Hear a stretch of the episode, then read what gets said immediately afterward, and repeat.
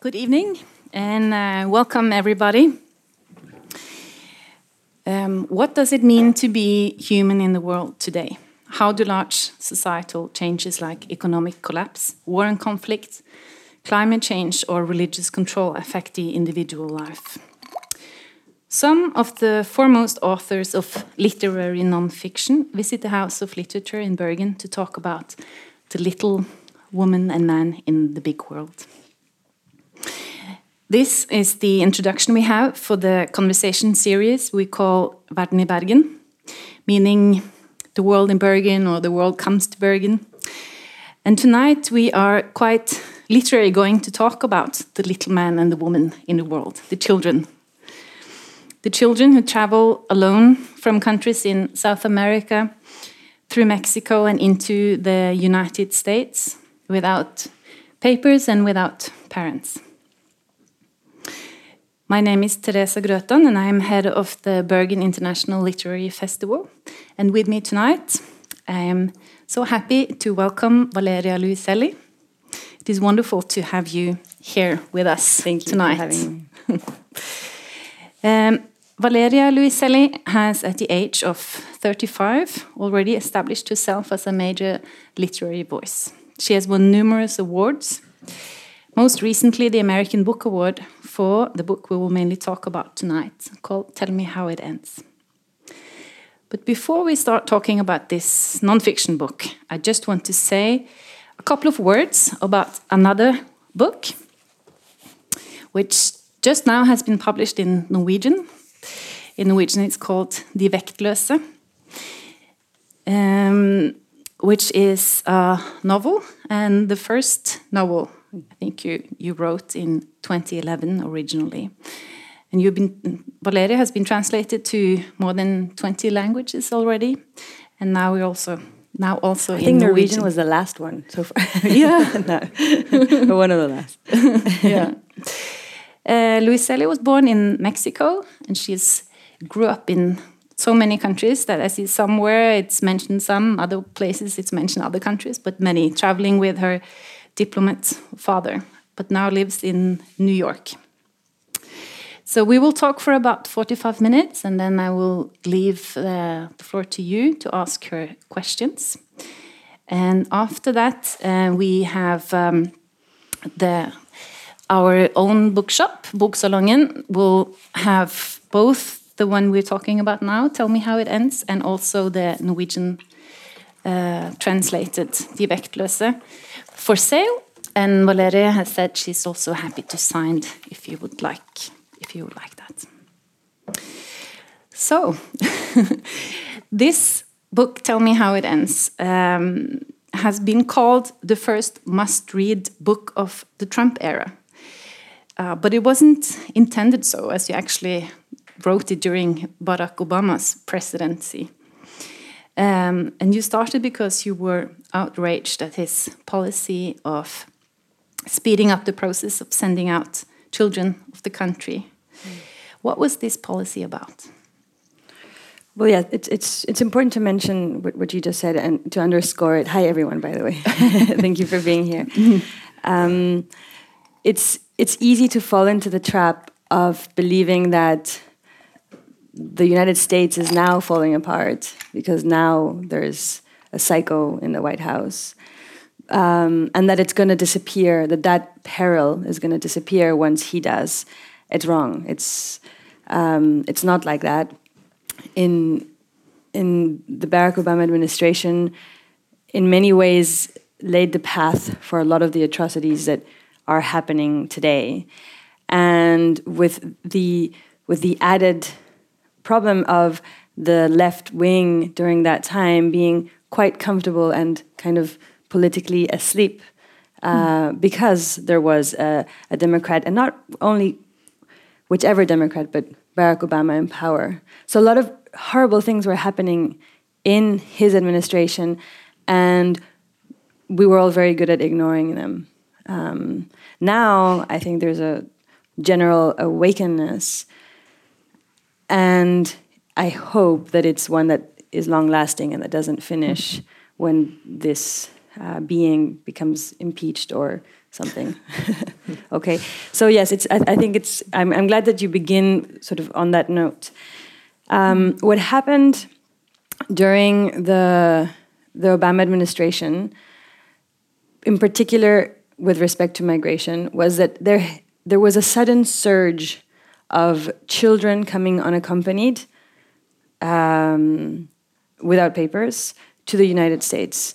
And just to give you an idea, between October of 2013 and June of 2014, so in a period of less than a year, 80,000 children had arrived alone at the border.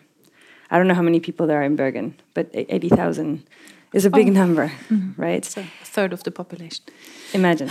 so, what what happened was that um, although there are asylum laws in place which protect children in situations like that, the government decided to come up with a sudden policy change that would that would in a way guarantee that most of those children would get deported instead of being absorbed into society, so to speak. And the way that they did that was creating something called a priority docket. So a, a docket is nothing but a group of cases in, in court. And a priority docket is a group of cases that have priority to be seen and resolved. Now, one would think immediately that being a priority docket is a good thing because your case is, is attended to quickly, quickly. But in this case, it was the opposite because being a priority docket in court implied that you had much less time to find a lawyer, basically. So children, before the this policy change in the Obama administration, had a year to find a lawyer to defend them against deportation. And with the policy change, they had only 21 days.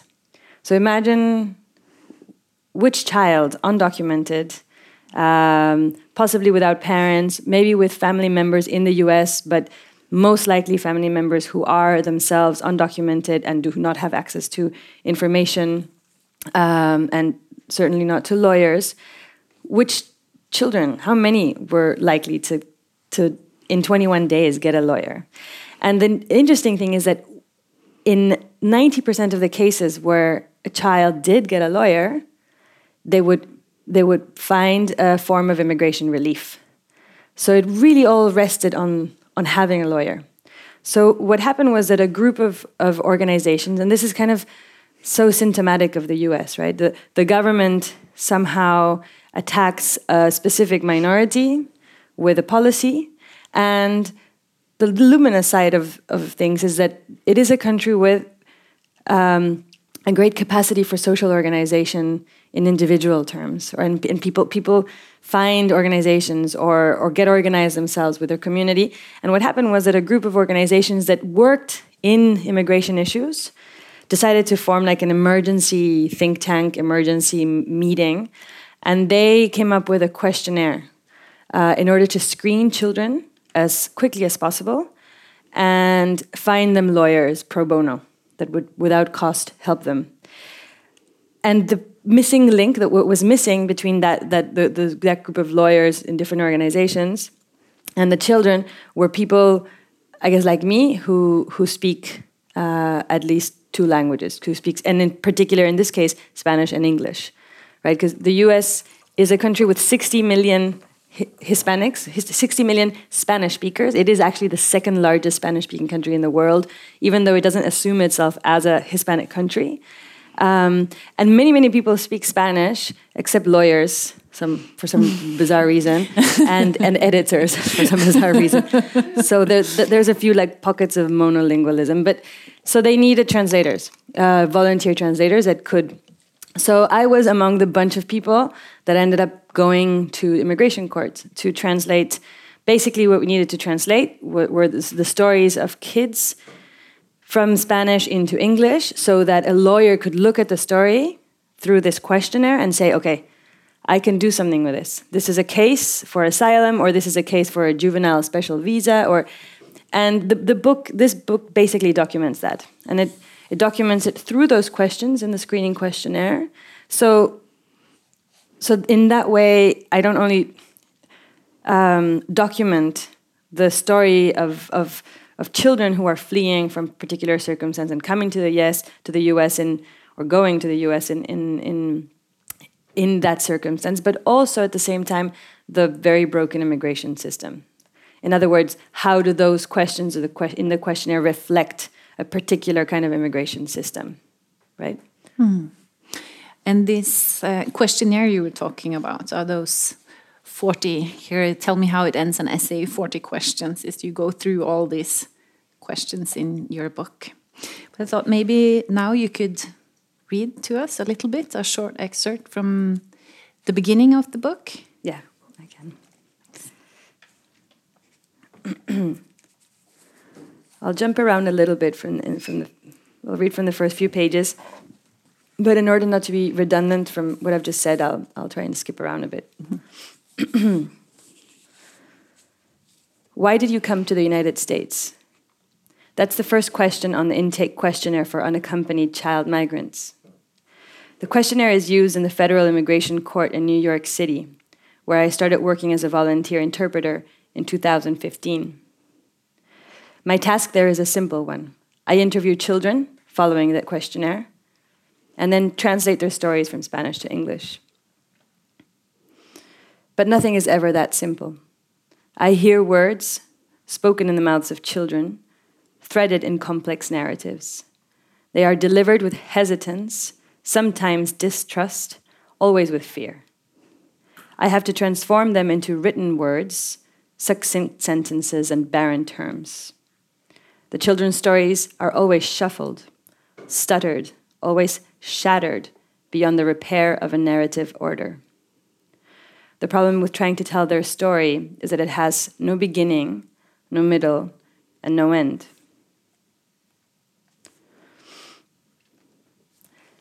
I watch our own children sleep in the back seat of the car as we cross the George Washington Bridge into New Jersey. I glance back now and then from the co pilot seat at my 10 year old stepson visiting us from Mexico and my five year old daughter. Behind the wheel, my husband concentrates on the road ahead. It's the summer of 2014. We're waiting for our green cards to be either granted or denied, and in the meantime, we decide to go on a family road trip. We will drive from Harlem, New York, to a town in Cochise County, Arizona, near the US Mexico border. According to the slightly offensive parlance of US immigration law, for the three years or so that we had lived in New York, we had been non resident aliens. That's a term used to describe anyone from outside the US, alien, whether or not they are residents or not, whether or not they are residents. There are non resident aliens, resident aliens, and even removable aliens that I know of. We wanted to become resident aliens even though we knew that what applying for green cards implied the lawyers, the expenses, the many vaccinations and medical exams, the months of sustained uncertainty, the rather humiliating intermediate steps, such as having to wait for an advance parole document in order to be able to leave the country and be paroled back in like a criminal, as well as the legal prohibition against traveling abroad without losing immigration status before being granted advance parole. Despite all that, we decided to apply. When we finally sent out our applications a few weeks before leaving for our road trip, we started feeling strange, somewhat out of place, a little circumspect, as if throwing that envelope in the blue mailbox of our street corner had changed something in us. We joked, somewhat frivolously, about the possible definitions of our new, now pending migratory status. We were pending aliens, or maybe writer seeking status or alien writers, or maybe just pending Mexicans. I suppose deeper down, we were simply asking ourselves, perhaps for the first time, that same question I now ask children at the beginning of each intake interview Why did you come to the United States? We didn't have a clear answer. No one ever does. But the deed was done. We had filed our applications, and while we waited for an answer, we were not allowed to leave the country. So when summer arrived, we bought maps, rented a car, packed a few basics, made playlists, and left New York. the green card application is nothing like the intake questionnaire for undocumented minors. When you apply for a green card, you have to answer things like Do you intend to practice polygamy? And Are you a member of the Communist Party? And Have you ever knowingly committed a crime of moral turpitude? and although nothing can or should be taken lightly when you're in the fragile situation of asking for permission to live in a country that's not your own, there's something almost innocent in the green card applications preoccupations with and visions of the future and its possible threats polyamorous debauchery, communism, weak morals. The green card questionnaire has a retro kind of candor like the grainy Cold War films we watched on VHS. The intake questionnaire, on the other hand, reveals a colder, more cynical and brutal reality. It reads as if it were written in high definition, and as you make your way down its 40 questions, it's impossible not to feel that the world has become a much more fucked up place than anyone could have ever imagined. I'll stop there.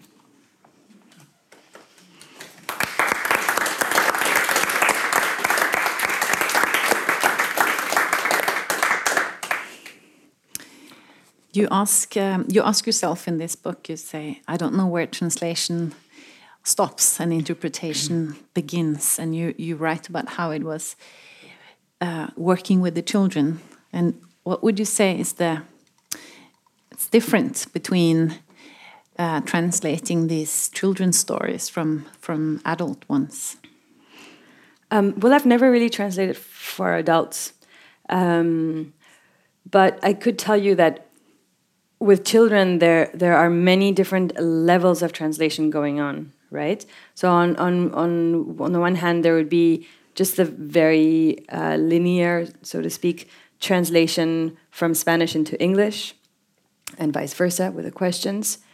Uh, but then there's also a translation, of course, from sort of the children's world to the adult world and to the jargon of legal um, legal speak, and vice versa, right? So you, if you ask a child. Um, is there anyone in your family with a mental problem? Um, a seven year old, what will they tell you, right? Um, or did you ever perform forced labor? What, what the hell is forced labor, right? And also, I mean, added to that, that complexity of translating between adult legal jargon and, and children, chil a children's experience, a child's experience, there's the, like a cultural translation going on constantly, whereby, for example, what what is normalized in one society may not be in another, right? So, for a Guatemalan child uh, who lives in a small community, it may be completely normal to wake up at seven, um, take a machete, and go out to the fields with his grandfather to to work for ten hours a day. But in the U.S., and I'm not saying this is good or bad. The, the, that's the fact. Uh, in the U.S., that would be considered child labor, and therefore, a child that performs child labor that way would be eligible for a kind of visa uh, that that supports children that are fleeing from circumstances of abandonment or, la or labor or abuse, etc. So there's all of that going on simultaneously in, in, a, in, a, in a conversation. And then one added little difficulty in my my personal particular case, which is that I am Mexican, and most of the children that I am translating for um, are Central American, mostly Guatemalan, uh, Salvadoran, and uh, Honduran. And Mexico is the enemy uh, in that Mexico behaves in a brutal, uh, brutal way with Central Americans trying to migrate either to Mexico or through Mexico. Uh, in many ways, I'd say that Mexico is much worse than the United States uh, in terms of its uh, border policies. Mm. We we receive a lot of money from the U.S. in order to be like the the central deportation uh, space, so that they, the people don't even make it to the northern border. And this is something that Obama set set in motion too. Uh, just large amounts of money injected so that we would perform the like the dirty task and Mexicans, the Mexican government never never said no. no. We just went ahead and and did it and militarized the southern frontier and set in place drones and patrolling systems. And this is added to the the the, the, the deeper deeper social problem of of, of uh, uncontrollable uncontrollable violence in Mexico. So mm. it's not only the state or or not only the government. Um, performing this political violence against uh, immig immigrants who, by the way, have the right to come to the country and seek asylum. It's not like they're doing anything illegal. Um, but also the narco gangs, the police, the corrupt police, uh, who end up creating a kind of inferno, a hell for the people who migrate. Just to give you an idea, eight out of ten women and girls who pass through Mexico are raped along the eight out of ten. So much so that that teenagers and women take contraceptive pills when they begin the journey because they know that they most likely will be raped, and they don't want to arrive in the U.S. pregnant.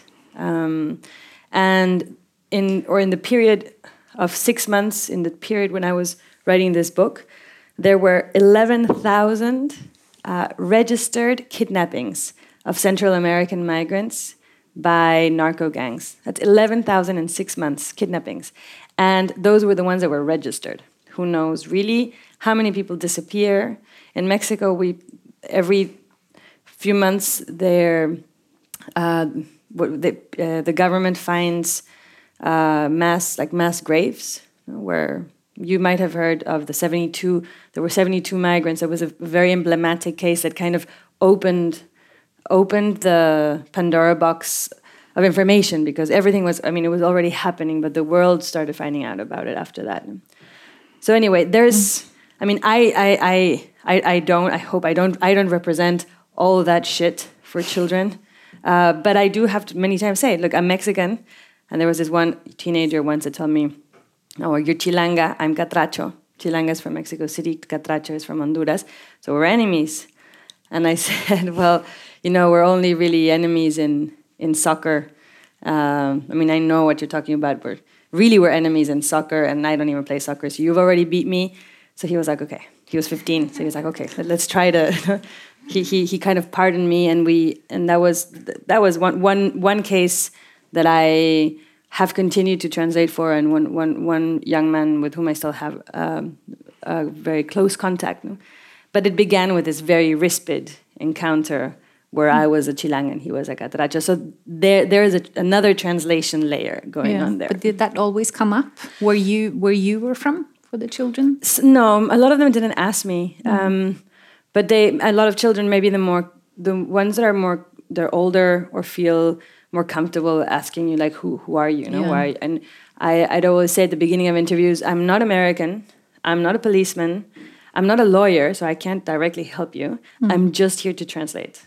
So it was important to set like that kind of neut neutral state. Mm. And many asked then, well, if you're not American, where are you from? Mm. Uh, I think we will get back a bit more to the reasons for the children coming to the US. Um, but let's talk a little bit about their journey. Because in your book, you write about the coyotes, you write about La Bestia and the icebox. These are terms that are unfamiliar to us. Can you tell us what happens when a child leaves and through the journey? Sure. So, I mean, it's, um, of course, there are many thousands and hundreds of thousands of variations. Each story is its own. But of course, there are the patterns. Um, that are repeated over and over in the stories that the children experience and tell.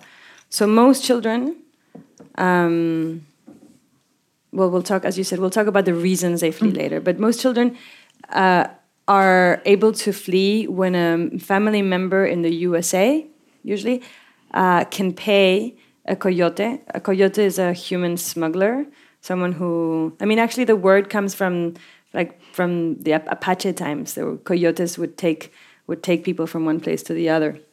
Um, another word, like a Mexican term for it, is pollero, uh, which means someone who carries. It's very animalizing and also degrading. And pollero means someone who who transports chicken, chickens and, and, and chicks.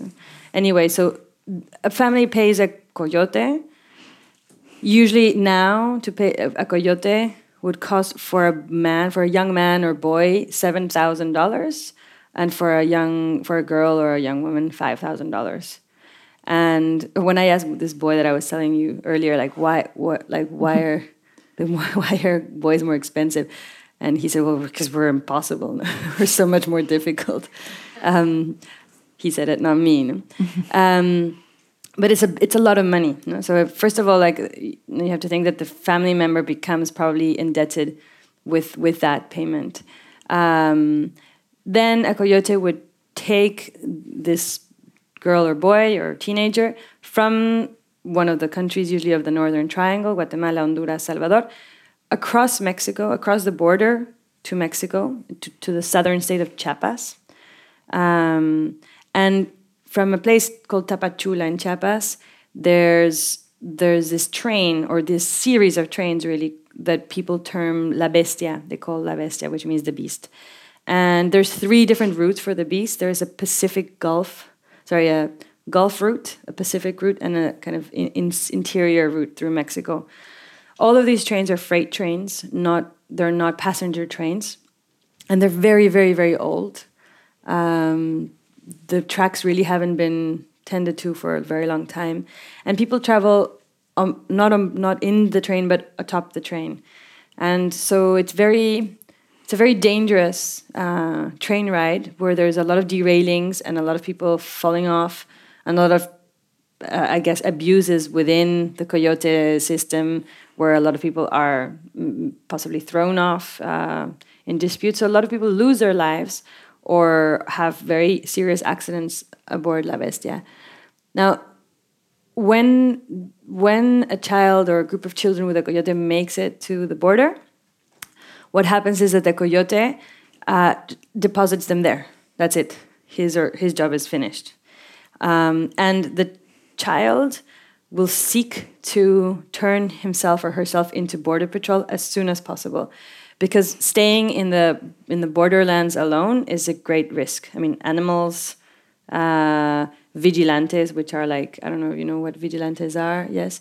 Um, no, you must explain. Okay, just I just thought that everyone nodded. Uh, so basically, vigilantes are crazy ass sorry like just people who take it upon themselves to go basically hunt migrants because um, yeah it's like a almost like a patriotic thing you know? um, many of them are ranch owners and there's been a lot i mean a lot of the deaths that are registered in the in the desert are um, through gunshots and not like police related so there's a lot of vigilantes and then just dying of thirst in the desert no? so a kid, kid i mean I, I spoke to many kids who were like we had to walk for one entire day before we could see a border patrol car. No, they would stand in the middle of the road to make sure that like a border patrol would come at some point.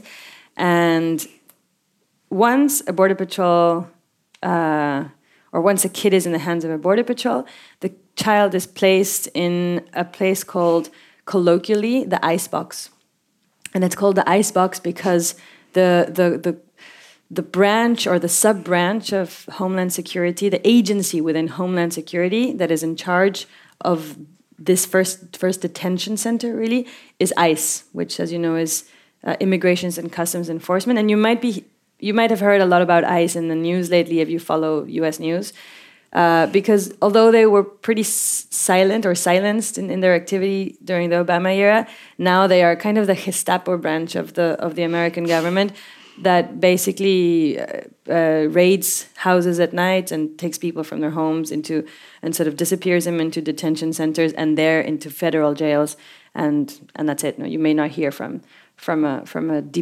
person deported through through the ICE system. So it's the ice box or in Spanish hielera. And because the conditions are there are so harsh, it's very cold. It's also called the ice box because it's like a refrigerator. Um, children there receive vaccinations, sometimes too much of them. There's been cases where there's you know, 200 children receiving adult doses of hepatitis C or hepatitis A or B, I don't know which one, uh, mm. vaccine, and then ending up all of them in a hospital gravely ill. uh, because there's no, there's just no there's no control inside what happens in those spaces, right? Children are not allowed to go to the bathroom as often as they ask ask for. They're not given proper places to sleep, so they they're usually in there for 72 hours, no more, or at least by law. Many times they they are left in there for longer. And then from there, they're transferred to a shelter. And that shelter is operated by something called the Office of Refugee Resettlement.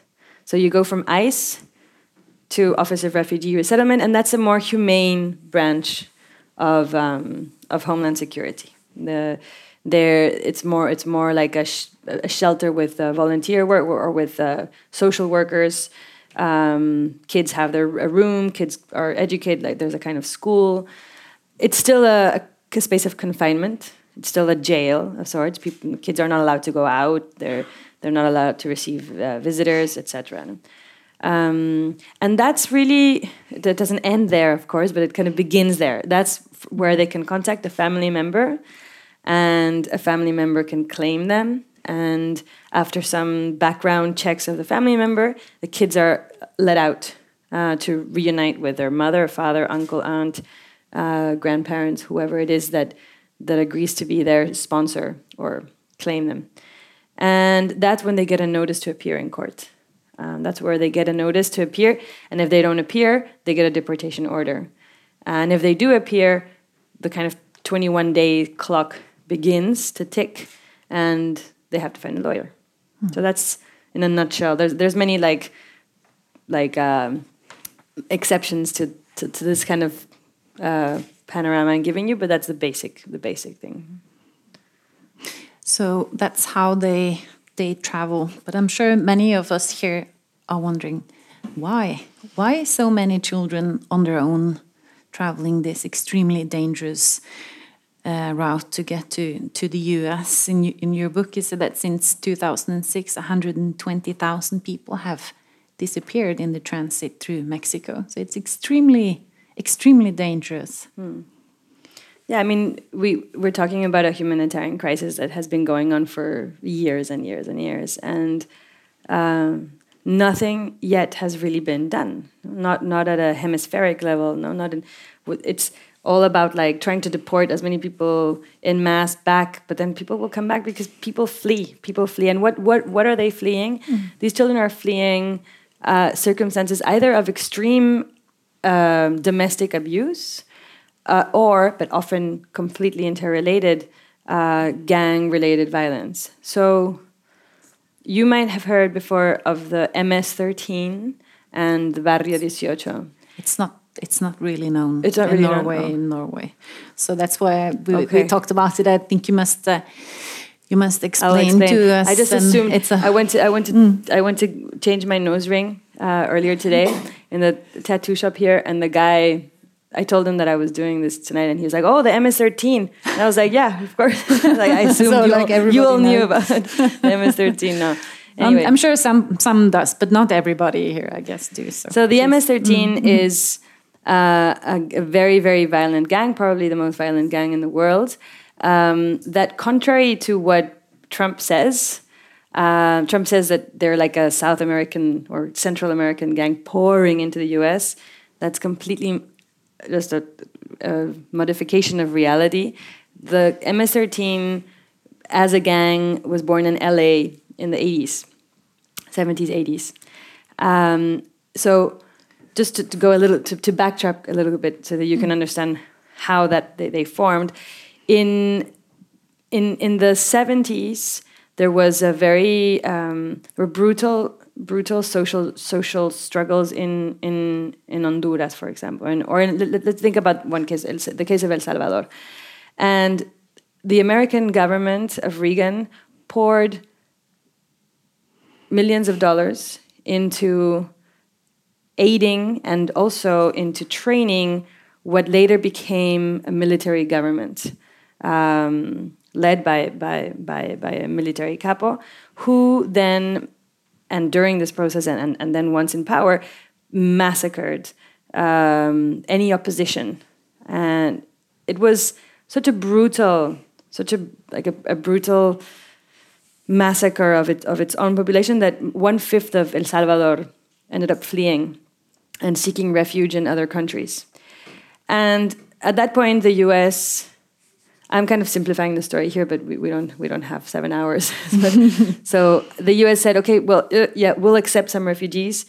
We we messed up, kind of the same story as always, and they accepted uh, a number of Salvadoran refugees, and those those Salvadoran refugees got dispersed all over the country. A lot ended up in Washington D.C., some in in New York State, uh, and a lot in in L.A. in California, and in that moment, LA was already sort of gang ridden. There was a very, very uh, deeply ingrained gang culture in uh, marginalized neighborhoods that were being uh, subjugated by the police, not too different from today. I mean, it was the moment of, of war on drugs and sort of the, the brutal police forces um, basically uh, open, opening fire against uh, against the population in in in very uh, marginal situations. But and there were naturally in these in this brutal kind of jungle gangs that formed to protect their own. Right. I mean, you have to think of gangs as, as, as something that comes out of not having another option but to form a kind of resistance. Right.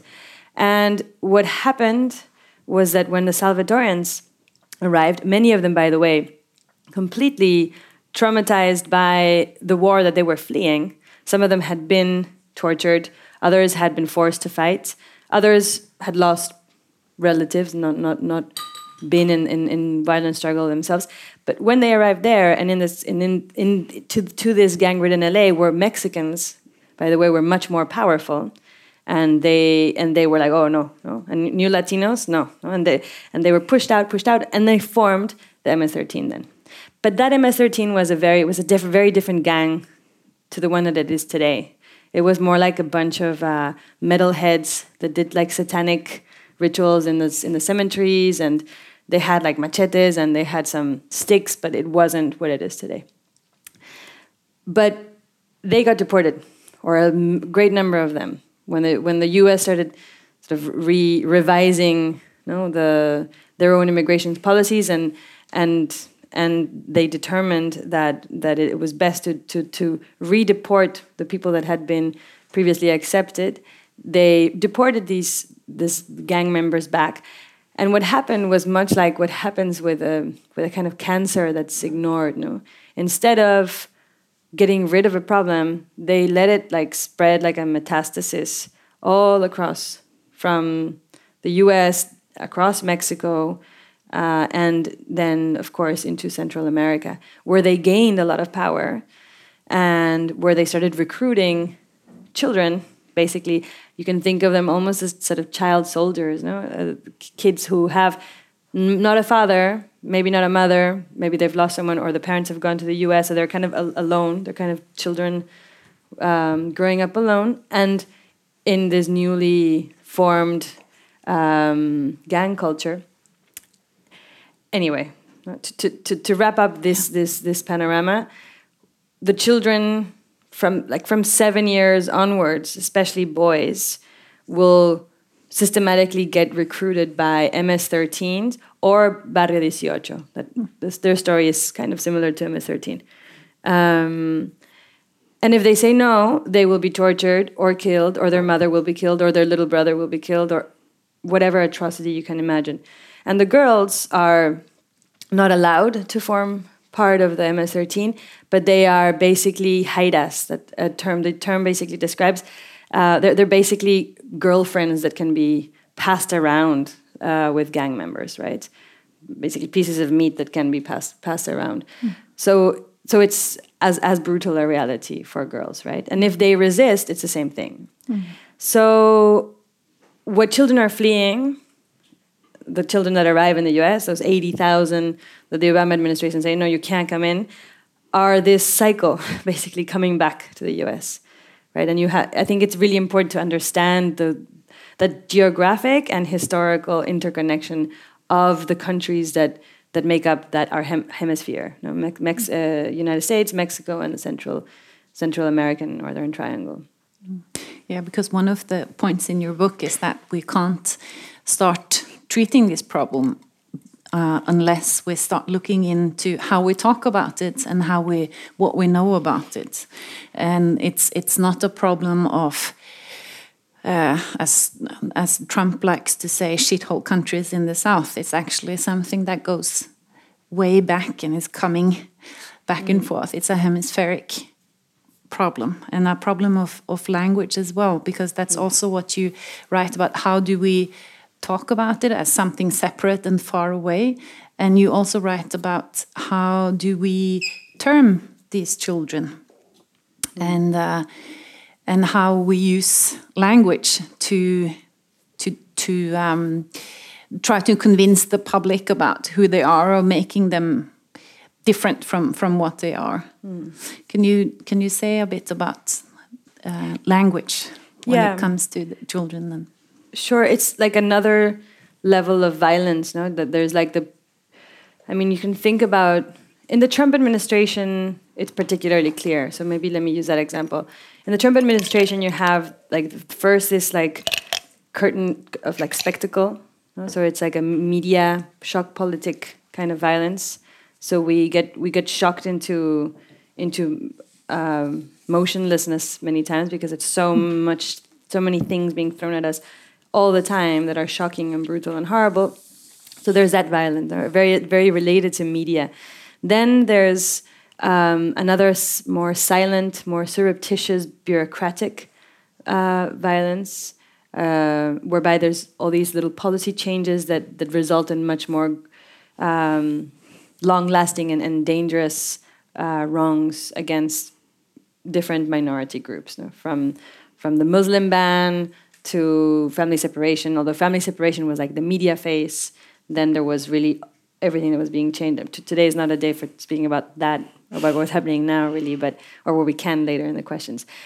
Anyway, the media in this in their, their own role in, in, this kind of first facade of, of violence um, their own role has been very active in perpetrating violence against against immigrant communities. Just to give an example, the very term illegal, an illegal migrant, is the the, the, the used term. It's the term that you you read in the New York Times, not not in like some crazy fanatic uh, Arizona newspaper. No, this is like the New York Times, or which is the, the the kind of liberal face of everything, and or every other newspaper really. No one, no one, no one calls immigrants by their by, by their by their actual situation, which is simply undocumented. And if you call someone illegal repeatedly, even though it's nonsense, and no one can be illegal. You can do mm. something illegal, but you can't be you can't be illegal. Uh, but if you con con consistently call a population or a person illegal, that person, of course, interiorizes that that violence, that social violence, constantly thrown at you. Um, so that's one of the things I talk about in the book, and that i am I'm very active about in the U.S. through radio, through through the ways that I that I I participate in in society. Then another another term is more it's, it's less less easy to see but the very term migrant for this group of kids is completely mistaken uh, because they are refugees and politically and legally it's two very different things to be a migrant and to be a refugee. If you're a migrant you're usually migrating to seek economic opportunities and there's nothing wrong with that. It's it's actually i'm not i'm not saying that it, it's that you have less less um, less of a right, um, less of a human right to migrate. But when you're a refugee, that implies that the government of the country to which you arrive has some sort of um, of obligation with you, to of, of giving you refuge, of giving you asylum. So it's very convenient for any government um, when the media or when they can when the, when the media can successfully convince an entire population of our readership that whoever is coming in is a migrant and not a refugee. So I mean, I think I'm sure that all of these kind of things are, can be translated to the Norwegian case as well, and like how what are people called and what are they actually, and if I don't know if the term illegal exists here Yeah. or not, but but I think it's all these little things in, in, in- language that it's really important to start actively changing and or actively denouncing. Um, otherwise, they just they're just they just become ingrained and they never never leave. Yeah. Before um, I ask you to read a little bit more from your book, and and then you will uh, give us an example of your meeting with two small girls. I wanted to ask you one thing more, and the the title of your book, "Tell Me How It Ends," is taken from your daughter, who asked who asked you a lot when you were work, working voluntarily as an interpreter. She said, "Tell me how it ends." She wanted an ending to these stories, and I'm wondering, how do you think we should talk to our children about other children's lives elsewhere in the world or even in our own country? It's a really good question, and I don't have a proper answer. Um, partly because my kid has turned out to be much smarter than I thought. or, I mean, I've always thought she's smart, but never that she's so awake. Um, I mean, for example, when there was this um, this tragic event in New York during Halloween, where a, a guy driving a bus um, sped and and just ran over people. Remember? I mean, it's like a, it's like something that has happened in so many countries over and over again, right? And it was Halloween, so I said I'm, I didn't, of course, didn't say anything to her. And then she went to school, and when she came back from school, I wanted to see if they had talked about it at school and how. And so I, I, I asked her, hey, did you hear about anything like kind of bad happening yesterday, like in Halloween night? And they talk about it at school, and she looked at me and she's like, "What, Mama? Like the the guy that drove over people with a bus?" And I was like, "Yeah, that. Okay, you heard about it." And I said, "How did you? Where did you hear about it? Who told you? How did you discuss it?" And she said, "Well, I read about it in the New York Times." And she's seven years old. and then I realized, shit, I have to wake up earlier because the the, the, the Times arrives, and my husband puts it on the table while he's making breakfast, and I'm never awake at that time. I always like wake up at the end of all of this motion, so I don't realize that she sits there reading the Times. Um, so I, I you so know she's what? not a good example. She's not a good example. I just talked to her. I mean, there's things that I try to edit out because I think the children have a right to a kind of innocence um, that soon will be lost, but they have a right to, to, for a while, to lose it in their own pace somehow. But the world is in a particular moment right now, so it's also absurd to try to n- hide what happens. I think it's just about not instilling fear in them. I think that it's about instilling a sense, of course, a sense of justice and a sense that that of agency that that that somehow our lives can be led in a way that we are constantly seeking uh, justice for, for ourselves and for others. And instead of handling it through fear, which is, I think, a, a state of paralysis. Now, if you live in fear, you, you there's nothing you can do. There's no agency in fear. Um, so it's I think it's a little bit about something I talk about in the book as well. It's about like alchemizing or like transforming um, political or ra- rage and frustration and fear and all those things that I think one starts feeling in the face of all the shit that's going on constantly and capital capitalizing it somehow into political agency. Um, let's hear a little bit more, and now you will read to us about two small girls Yeah. that you met. yeah. so, kind of an example of uh, of the many stories you. Yeah, or You of an interview. Right. Let's see. Mm.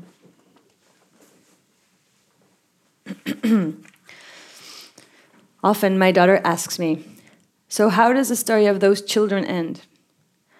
I don't know, I usually say. My daughter often follows up on the story she half hears. And there's one story that obsesses her, a story I only tell her in pieces and for which I have not yet been able to offer a real ending. It begins with two girls in a courtroom. They're five and seven years old, and they're from a small village in Guatemala. Spanish is their second language, but the older girl speaks it well. We sit around the mahogany table in the room where the interviews take place, and their mother observes from one of the benches in the back. Adults are usually not allowed to be in an interview with children because their presence can modify the answers. we sit around the mahogany table in the room where the interviews take place, and their mother observes from one of the benches in the back. The little girl concentrates on her coloring book, a crayon in her right hand. The older one has her hands crossed as an adult might, and she answers my questions one by one. She's a little shy, but tries to be clear and precise in her answers, delivering all of them with a big smile, toothless here and there. Why did you come to the United States? I don't know. How did you travel here? A man brought us. A coyote? No, a man. Was he nice to you? Yes, he was nice, I think. And where did you cross the border? I don't know. Texas, Arizona? Yes, Texas, Arizona. It's, I realize it's impossible to go on with the interview. So I asked the lawyers to make an exception and allow the mother to meet with us, at least for a while. We go to the question, number one, and the mother responds for the girls, filling holes, explaining things, and also telling her own version of the story. When the younger of her daughters turned two, she decided to migrate north and left them in the care of her, their grandmother. She crossed two national borders with no documents. She wasn't detained by Border Patrol and managed to cross the desert with a group of people. After a few weeks, she arrived in Long Island where she had a cousin. That's where she settled. Years passed, and the girls grew up. Years passed, and she remarried. She had another child. One day, she called her mother, the grandmother of the two girls, and told her that the time had finally come. She had saved enough money to bring the girls over. I don't know how the grandmother responded to the news of her granddaughter's imminent departure, but she noted the instructions down carefully and later explained them to the girls. In a few days, a man was going to come for them, a man who would help them get back to their mother. She told him that it would be a long trip but that he would keep them safe. The man had taken many other girls from their village safely across the two borders to their mothers, and everything had gone well, so everything would go well this time too. The day before they left, their grandmother sewed a 10 digit telephone number on the collars of the dress each girl would wear throughout the entire trip. It was a 10 digit number the girls had not been able to memorize, as hard as she tried to get them to, so she had decided to embroider it on their dresses and repeat over and over a single instruction. They should never take this dress off, not even to sleep. And as soon as they reached America, as soon as they, fet, they met the first American policeman, they were to show the inside of the dress's collar to him. He would then dial the number and let them speak to their mother. The rest would follow. The rest did follow. They made it to the border, were kept in custody in the hielera or icebox, for an indefinite time period. They didn't remember how many days, but they said that they were colder in there that they have, than they had ever been before. After that, they went to a shelter. And a few weeks later, they were put on a plane and flown to JFK, where their mother, baby brother, and stepfather were waiting for them. That's it? My daughter asks. That's it, I tell her. That's how it ends? Yes, that's how it ends. But of course, it doesn't end there. That's just where it begins, with a court summons, a first notice to appear. Thank you.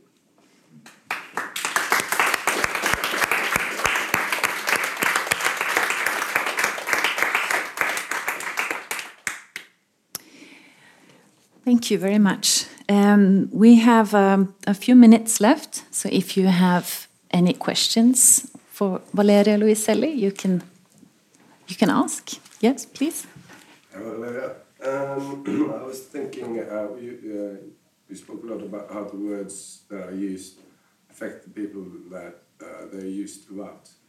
Uh, but having sort of uh, traveled a lot, and I mean, when we live in India, hearing Hindus speak about Muslims, lived in Israel, having Israelis speak about Palestinians, Palestinians speak about Israelis, and it's the same as with uh, migration. It's a lot of the same language here, uh, and I do. I, I agree that you internalize a lot of these things that you are being told, but uh, I think a very important factor here is also the way that these people are dehumanized mm -hmm, mm -hmm. in the minds of the people who should be yeah. maybe welcoming them or maybe making peace with them and so, or at least be able to, to live with them. So mm. you have these these strong movements, and um, is that something that you can see changing in the U.S. when you mm. have words like the rapists? Snakes, I mean, hmm. the, the animals, I mean, the amounts of words that you can hear from the president is sort of only the Filipino president that could match. Yeah, I agree. So yeah, yeah. So me and Hans lived in India together. we hadn't seen each other in 17 years before today, right? Exactly. Um, and it's a good. And I knew you were going to refute me somehow or ask me something difficult. you have not changed, Hans. luckily, so. Um, I I agree. I mean, it's not only the inter- like internalizing the the violence, but also how this violence spreads and and how people feel entitled to it to use it against a minority population. So I think that's really like really well said and really well seen. Um, and I and I would say yes, absolutely. The language that this president is using that is so extreme has really um, kind of unleashed. Uh, uh, a no man's land or like a wild west for immigration in the sense that like it, it the, the violent the, the, the language is so violent against uh, people of color in general but in this circumstance particularly against hispanics and hispanic ranches hunting i mean that's really yeah. dehumanized no it is i mean it's an animalization completely i mean it's also even bad to, to, to speak in, in those terms because I mean animals don't deserve a bad treatment either, no, like that. But but it is it, it's a dehumanization. It's a dehumanization, and I think that the the damage that this president has caused with the language that he has brought out is going to be very long lasting. Uh, it's not going to end with his presidency at all. Hmm. Any other question? Yes, please. But as you say, part of the problem is that even the liberal press is using the same sort of language. Yeah. And do you see any sign in the New York Times that they're you know, trying to correct it, or do they defend their views, or uh, lament it, or? I think they don't realize, which is a really it's a it's a very dangerous form of uh, xenophobia, chauvinism, or racism. When you don't even realize that you're being racist. It's, so, it's such an internalized thing, and no, they they it, I don't. The New York Times hasn't modified its its language at all. I mean, I know that there's a large group of people like contesting th their use of, for example, the word illegal. Um, and a lot of the OPED columnists that that work and think about these issues all, all the time are very insistent on this as well. There's a very uh, good journalist, Sonia Nazario, who has been writing about this and documenting a lot of this for a long time. And she was the first one, by the way, to write a, an important column right when the crisis was erupting in 2014, saying these are not uh, migrant children, they are refugee children, and they're looking for asylum and they have a right to due process. Um, and that was largely ignored, but it's there. I mean, it's out there. These voices are out there. It's just a question of how much platform they, they can get. Mm -hmm. Yes. Um, first, I just want to thank you for a really interesting talk. And thank you for so much of your time to expressing this through literature, which I think is a very important pathway to people's uh, uh, feelings and opinions about this. Mm -hmm.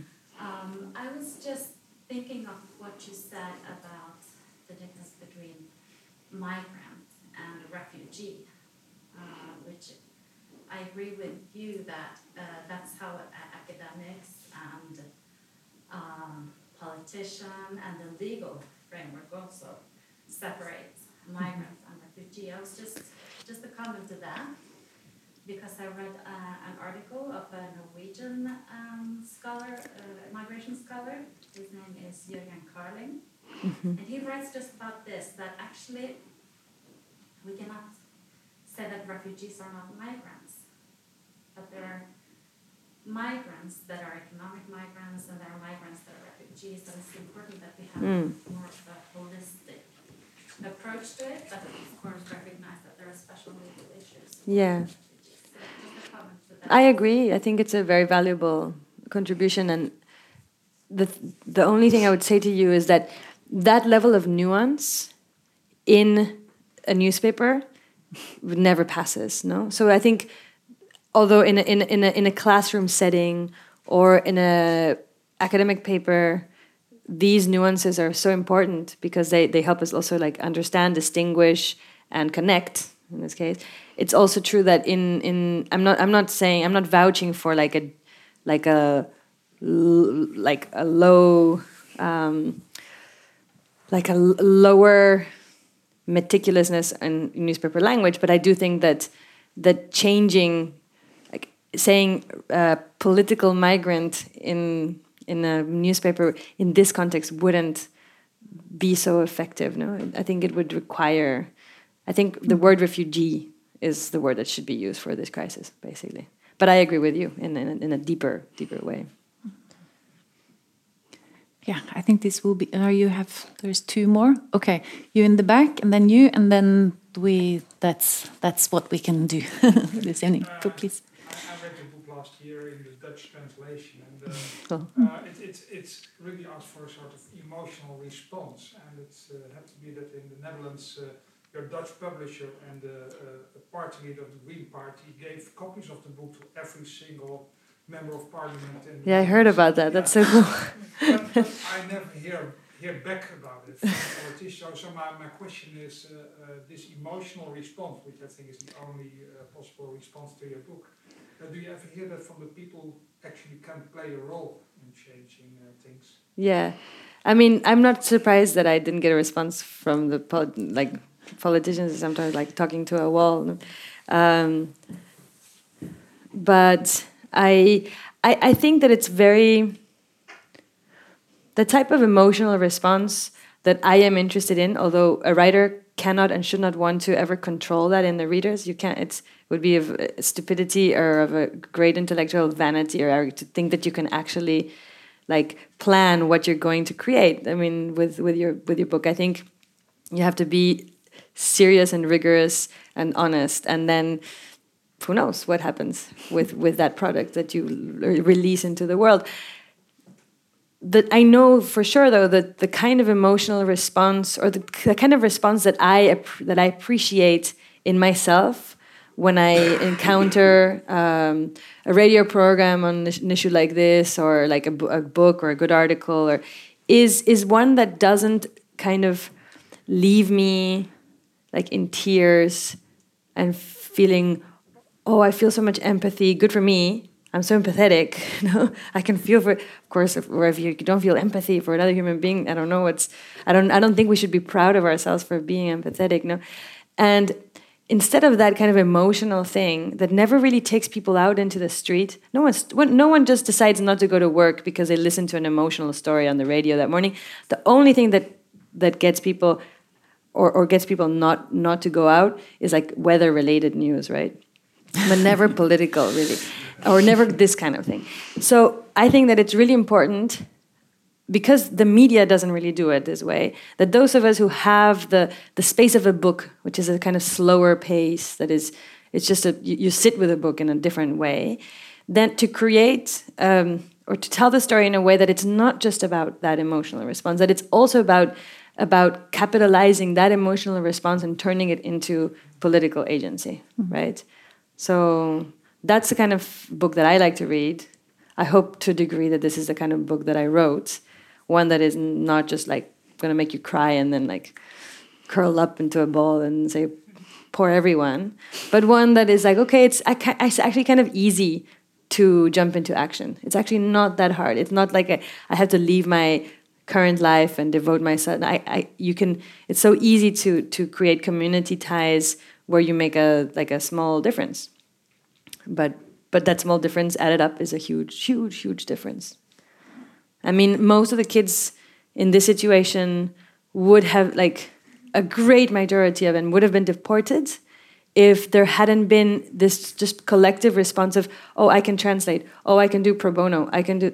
It happened. No? It happened in, in those years at least, and still now. Um, like the army of lawyers and volunteers in the U.S. is the only thing that that's keeping things together, in at least in what concerns migration. Hmm.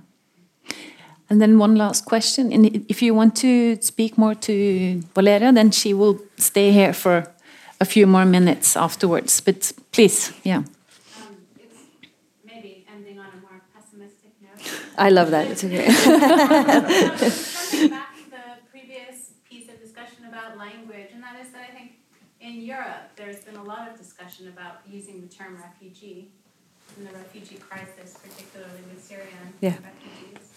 And I maybe I'm cynical, but I don't feel like it's made people particularly more less dehumanizing.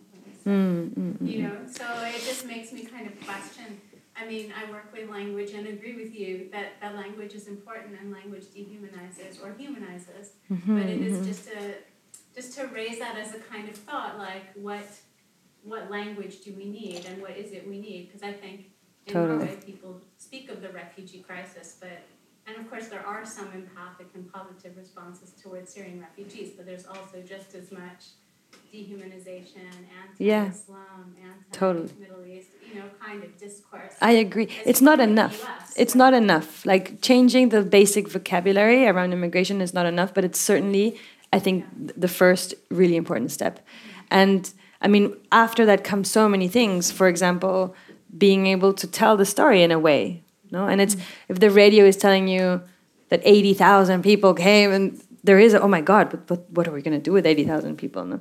If this if, if that's the way news is given if that's the way information is passed then of course it's difficult for a population to remain em empathetic right? So it, of course it's not only it's not only that it's all the like all the stages in the fabric of of narrative.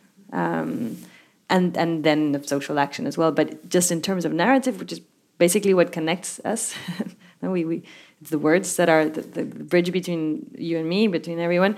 If if it, it's like a domino effect of of change, I think. Mm. Thank you all for very good questions. Yeah. And as a very very last thing, I would like you to just read two sentences from that you've also have in your book oh, from an immigrant's prayer. I don't know if you know it by heart or if you want to. No, I'm going to mess it up. So I'd rather read it. yeah. and on oh, that, okay. I want to say thank you all for coming. It was wonderful audience to have here tonight, and thank you so much to Valeria. But let's mm. just hear these last lines. So this is a migrant prayer that that, that many migrants crossing Mexico learn um, and and recite. Uh, a lot of it is thanks to the work of uh, uh, a man called Padre Solalinde. Some of you might have heard of him. He's he's a very important Mexican activist who has been particularly present in the migration crisis, um, and he opened the first. I don't know if it was the first. I think it was the first migrant shelter in Mexico, um, where people can stop on on this very dangerous uh, journey and have like a few days of food and rest. And if they have uh, if they if they have I don't know if they hurt the, their feet they can get cured by someone. And now there's more. And it's people that have been to a shelter say it's so important to have these shelters along the way. And so he's been working on having many maybe more. Okay. So the, the migrant prayer begins. Partir es morir un poco llegar nunca es llegar. Or in English to leave is to die a little. To arrive is never to arrive. And in Norwegian, you're going to read it. Ja, ikke Å forlate er som å dø litt. Å komme fram er aldri å komme fram. Komme fram. Thank you. Thank you so much. Thank you, guys.